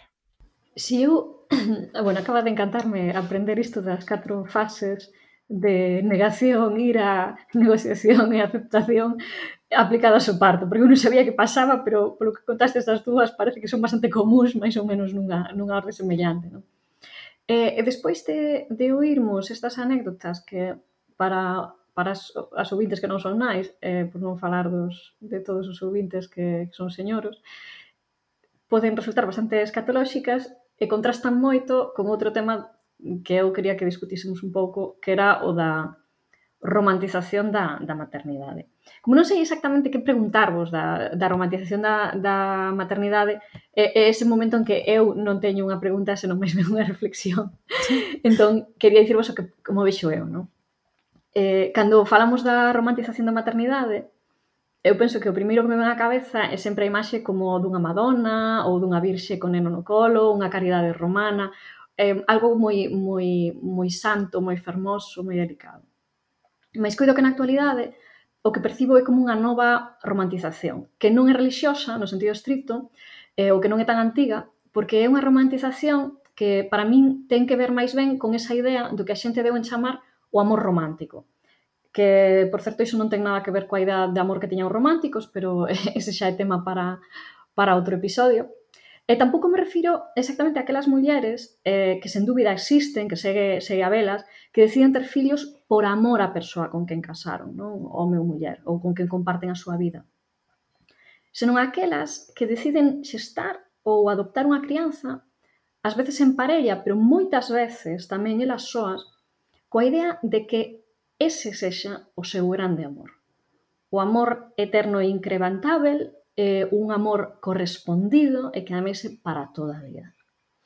É unha idea que é moi formosa, moi intensa, moi seductora, Mais ao mesmo tempo véxolle tamén trazas de ser unha trampa para esas mulleres.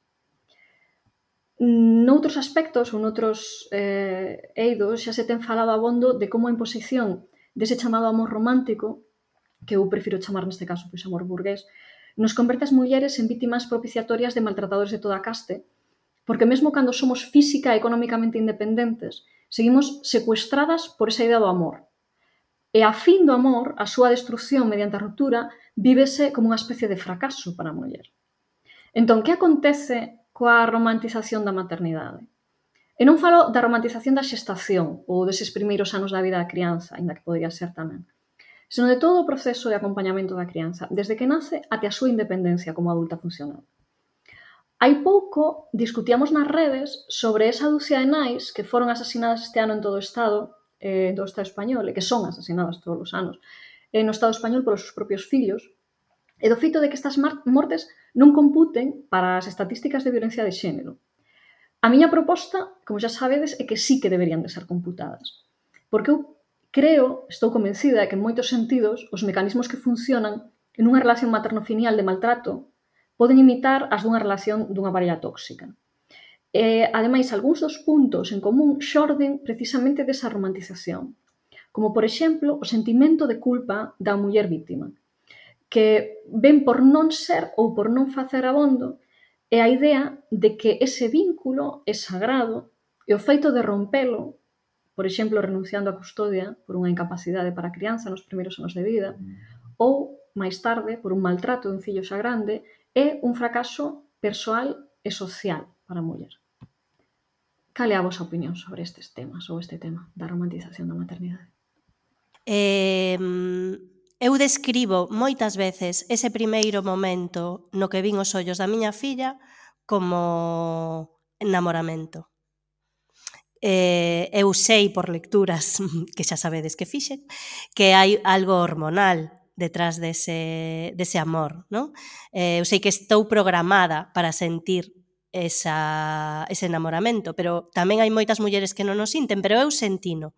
Eu vin esos ollos xigantescos mirándome, esa persoa a que xa leva, que eu xa levaba construindo na miña cabeza durante un tempo, porque tampouco é eh, a súa existencia 100% tampouco comeza nese momento. Ti xa levas falando con esa persoa, xa construíches determinadas características, xa te imaginaches que determinada canción lle encanta, que esta, que reacciona peor aquela outra, non sei, non? Xa proxectei sobre ese novo ser humano unha serie de características que despois terá ou non, pero que na miña cabeza ten. Eh, en todo caso, eu nese momento cando abriu os ollos e me mirou, namorei dese ser humano sen coñecelo. Namorei químicamente. Isto é así, non? E, eh, e eh, como, como os outros namoramentos de parella tamén. Eh, e, e pareceme moi ben traído o, a túa reflexión, non? Porque, en efecto, todo todo se, todo mesmo, non? Proxectei sobre esa persoa determinadas expectativas, eh, sentín esa profundidade e ese para sempre e esa relación íntima inquebrantable, non? Ese non las dúas somos equipo por encima de calquera outra persoa. Eh, o que pasa que iso ten como tamén as outras relacións, para min, polo menos tivo, unha caducidade. Sobre esa primeira relación de flechazo construímos outra, eh, co tempo, xa coas súas características de ser humano propias que son distintas ás que eu pensaba que ia ter, eh, en moitas ocasións mellores e noutras tamén peores, para min, quero decir, non? Que a, mí, a veces gustaríame que fora doutra maneira en determinadas cuestións, non? Pero ela é teimudamente da maneira na que é. E ese ser tamén me enamora cada día, quero decir, sí que é certo que é, é, é cursi, ao final acaba sendo cursi cando falas de, esta relación amorosa, porque para mí, por lo menos, es inevitable, incluso racional, o sea, pasando por la razón, es, inevitable ser cursi. Eh, e, e, en ese sentido, pareceme genial la reflexión, porque sí que es cierto que te puedes enganchar nesa, nesa relación, igual que nos enganchamos noutras relacións de parella ou de outro tipo. E podese producir relación, e podese producir desigualdades e violencias, prodúcense de nais cara fillos, cara fillas, todos os días, e de fillos e fillas caras nais. Eh, creo que, que nese sentido pareceme moi ben moi ben traída. Eh, sí que é certo que mm, é perigoso fialo todo a esa chispa hormonal que de novo sería falso decir que eu non a sentín porque a sentín, pero estou rodeada de persoas que non a sentiron. E, a e, e esa presión pareceme injusta e cruel, eh, porque ao final é algo que non depende de ti. Non sei a experiencia de, de Saboridiña e que eu non sentín ese crash eh, pola miña filla. Sentíme moi, moi aliviada porque o proceso de parto e dor terminou. Sentíme moi contenta porque xa tiña a miña filla nos brazos porque era algo que eu estaba a espera nove meses e máis do que nove meses porque antes deso tamén deses estar grávida. Eh, sentín amor, pero eu non sentín como esa intensidade. De feito, demorei bastante en ver a miña filla como a miña filla. Eu miraba para ela e para min era como a filla dunha amiga, a miña sobrinha, eh, a miña prima, non sei, pero demorei, demorei moito e dicir, guai, é a miña filla, é, é, é, esta nena saiu, saiu de min. E, e sí que pero tamén me pasa co amor eh, nas parellas. Teño tido amor de que é un crash e, e, e entendo que eso é algo químico e esa química un día pasou. E outro tipo de amor, como que ti falas, que é algo máis alicerzado, que se vai construindo cada día e este é o que eu eh, experimentei eh, coa miña nena porque xa digo, eu creo que todo este proceso tamén se me viu moi perturbado pola, pola miña propia experiencia de maternidade 24-7 nunha situación de confinamento. Eu cheguei a estar saturadísima. Só quería sair de casa, que me deixasen sair de casa, ver outras persoas. Necesitei a miña familia moitísimo e non a tiven físicamente.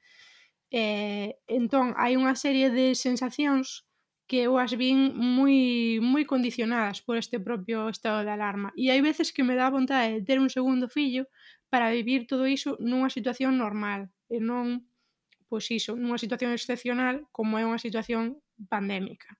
E, e, e digo, como sería todo isto se eu tivese contacto coa miña irmá, se eu tivese contacto coa miña nai, se pudese ver as miñas amigas, se pudese, cando eu tivese que tiven dúbidas sobre a lactancia, eh, ser acompañada por alguén que sabe sobre a lactancia, que non o puden facer.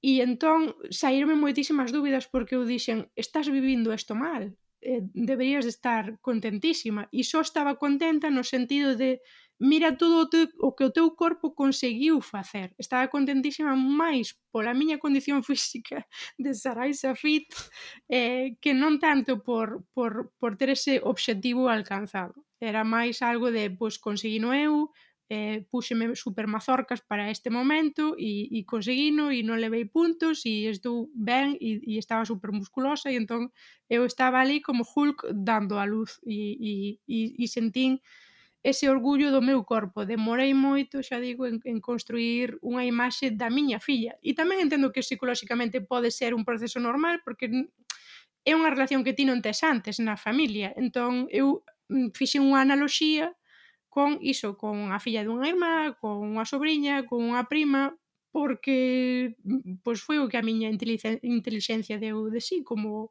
como como solución.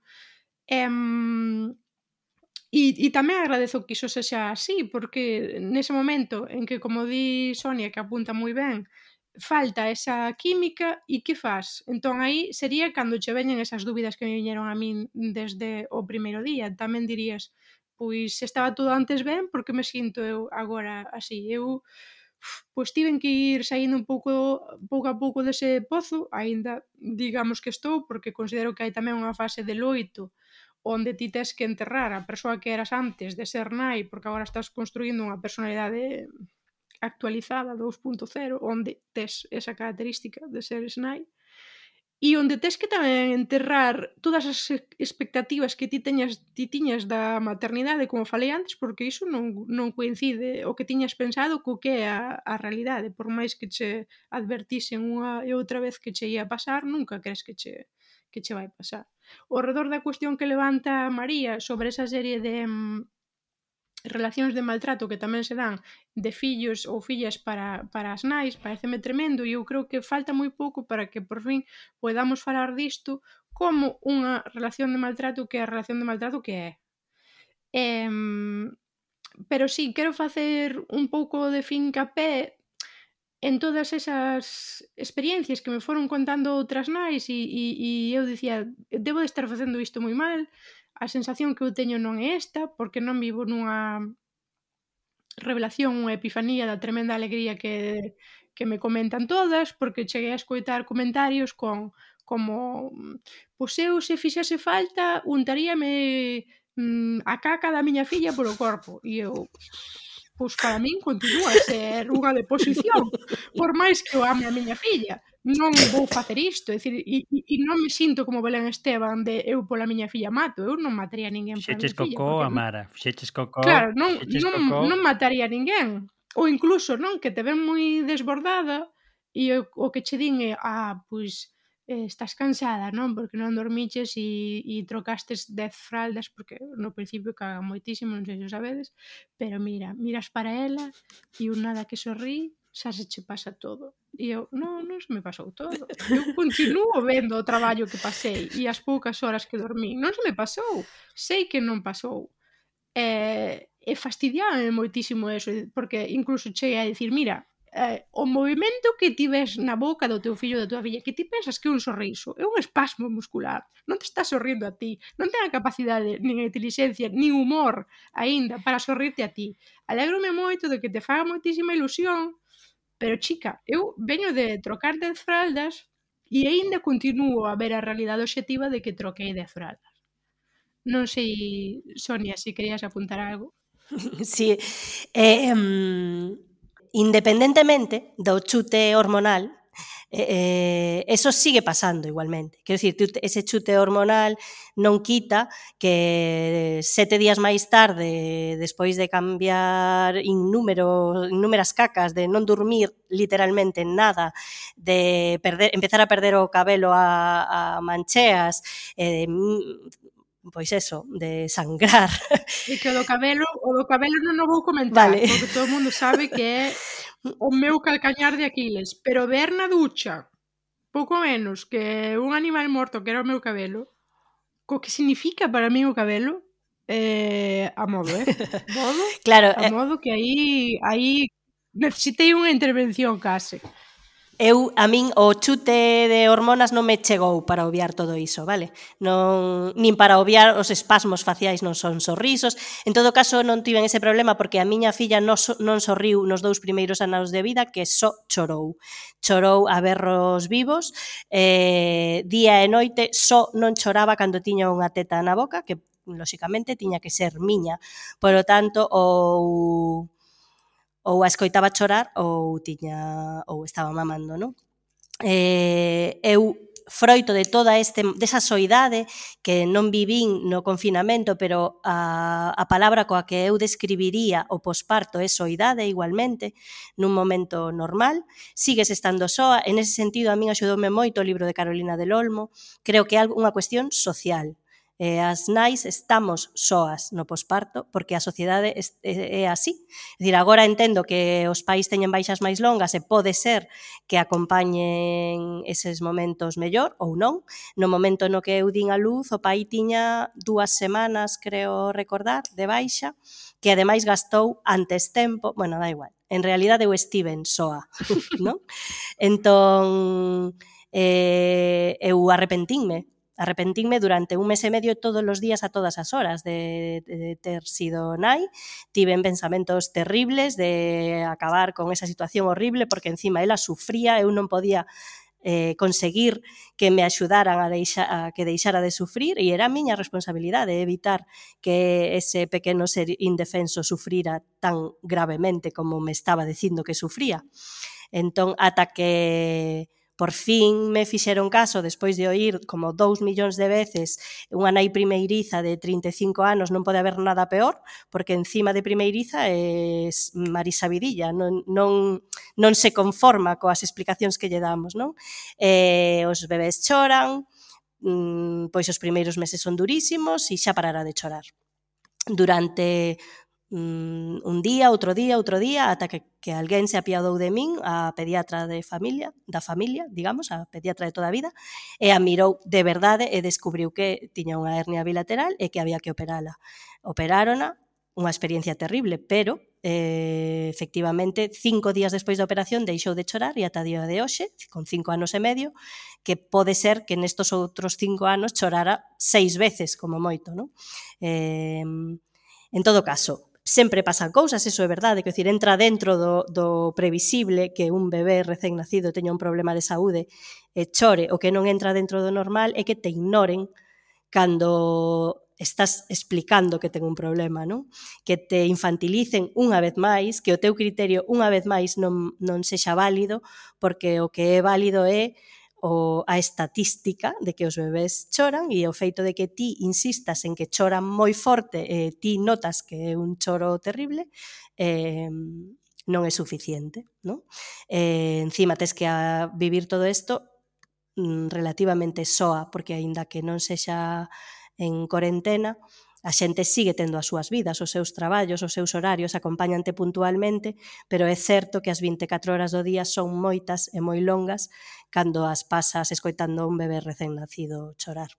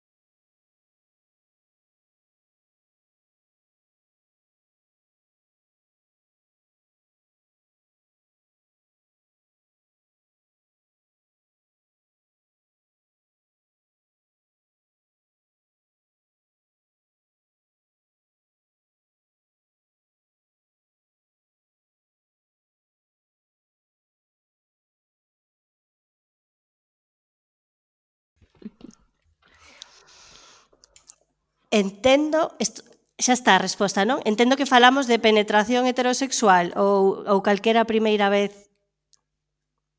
É que non escoitei o programa, claro. calquera primeira vez. Calquera programa, primeira vez. Ela é sexóloga, psicóloga e sexóloga. Eh, está, pregúntache pola túa primeira vez. Vale. O que ti entendes por iso. O que eu entendo por primeira vez. Vou obviar a idade, porque isto non ten importancia. Eh, digamos que foi bastante convencional. Eh, que foi cunha persoa que non só me gustaba, senón que aínda me gusta, que é algo que me parece que sempre fixen moi ben. Uh -huh No, sí, en serio, sí que creo que isto é algo que fixen ben. Elexir as persoas das que me rodeo, e entón, eh, co paso do tempo, pois síguenme gustando por uns motivos ou outros, pero sí. Entón, eh, a miña primeira vez foi convencional, me deu alcohol e isto hai que recoñecelo, pero eh, e foi en un espazo público. E isto é todo o que teño que decir. Salseo. Isto xa tiña moitos ingredientes, eh? rejoa, rejoa. E xa está. Menudo teaser. Claro, a ver, eu esperaba que dixeses a primeira vez que collí un coche, a primeira vez que foi. Es unha sexóloga. A primeira vez que foi. A primeira vez que vexeche o estranxeiro. Claro, claro. A primeira vez que fixen un podcast das Women's Planer. Exacto. Claro. Bueno, pois eh, foi un programa, verdad, que super interesante, como sempre. Eh, aparte, hoxe era un tema así, super íntimo. Eh, encantoume que viñera Sonia a visitarnos. Eh, bueno, pues unha longa historia de, de afectos que se estenden no tempo, por iso agradezo especialmente a visita. Moitas gracias por estar aquí hoxe. Grazas a vos por convidarme. Ata a próxima semana, eh, Carme. Ata a próxima semana e obrigada, Sonia, por, por vir, porque necesito aquí un apoio materno. Necesito máis nais no programa, entón fago aquí unha arenga para que máis nais veñan woman's plenizar, que non podo ser eu aquí a única estrunfina. Ata a próxima semana, Sara. De que a próxima. Ata a próxima semana, Marvada Profe. Vou dicir como che gusta a ti. Auf Wiederhören. E a todas e todes vos, e moitas gracias por estar aí. Sabedes que estamos cada semana, ademais de en Luces e, eh, e no Anchor, estamos tamén nas ondas de, de Quack para as que vivades na área da Coruña. E, así que, bueno, xa sabedes onde podes atoparnos. Grazas. Esta semana que ven.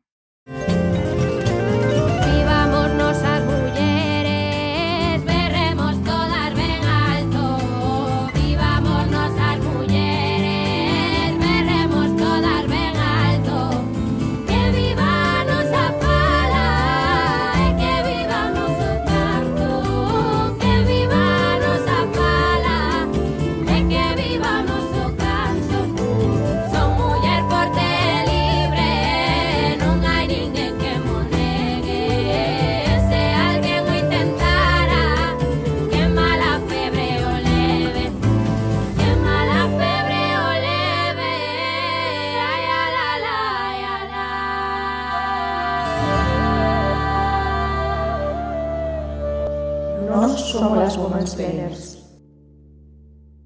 Eu quería comentar unha cousa super breve respecto ao tema de non estar os pais no, no parto que en tempos os pais, aínda que a muller estivera saída de contas e todo iso, ían ao fútbol igual. E eu escoitei, eu sendo pequeno, no fútbol, un aviso. Bueno, felicidade a fulanito de tal. Temos un novo celtista. bueno, mimo.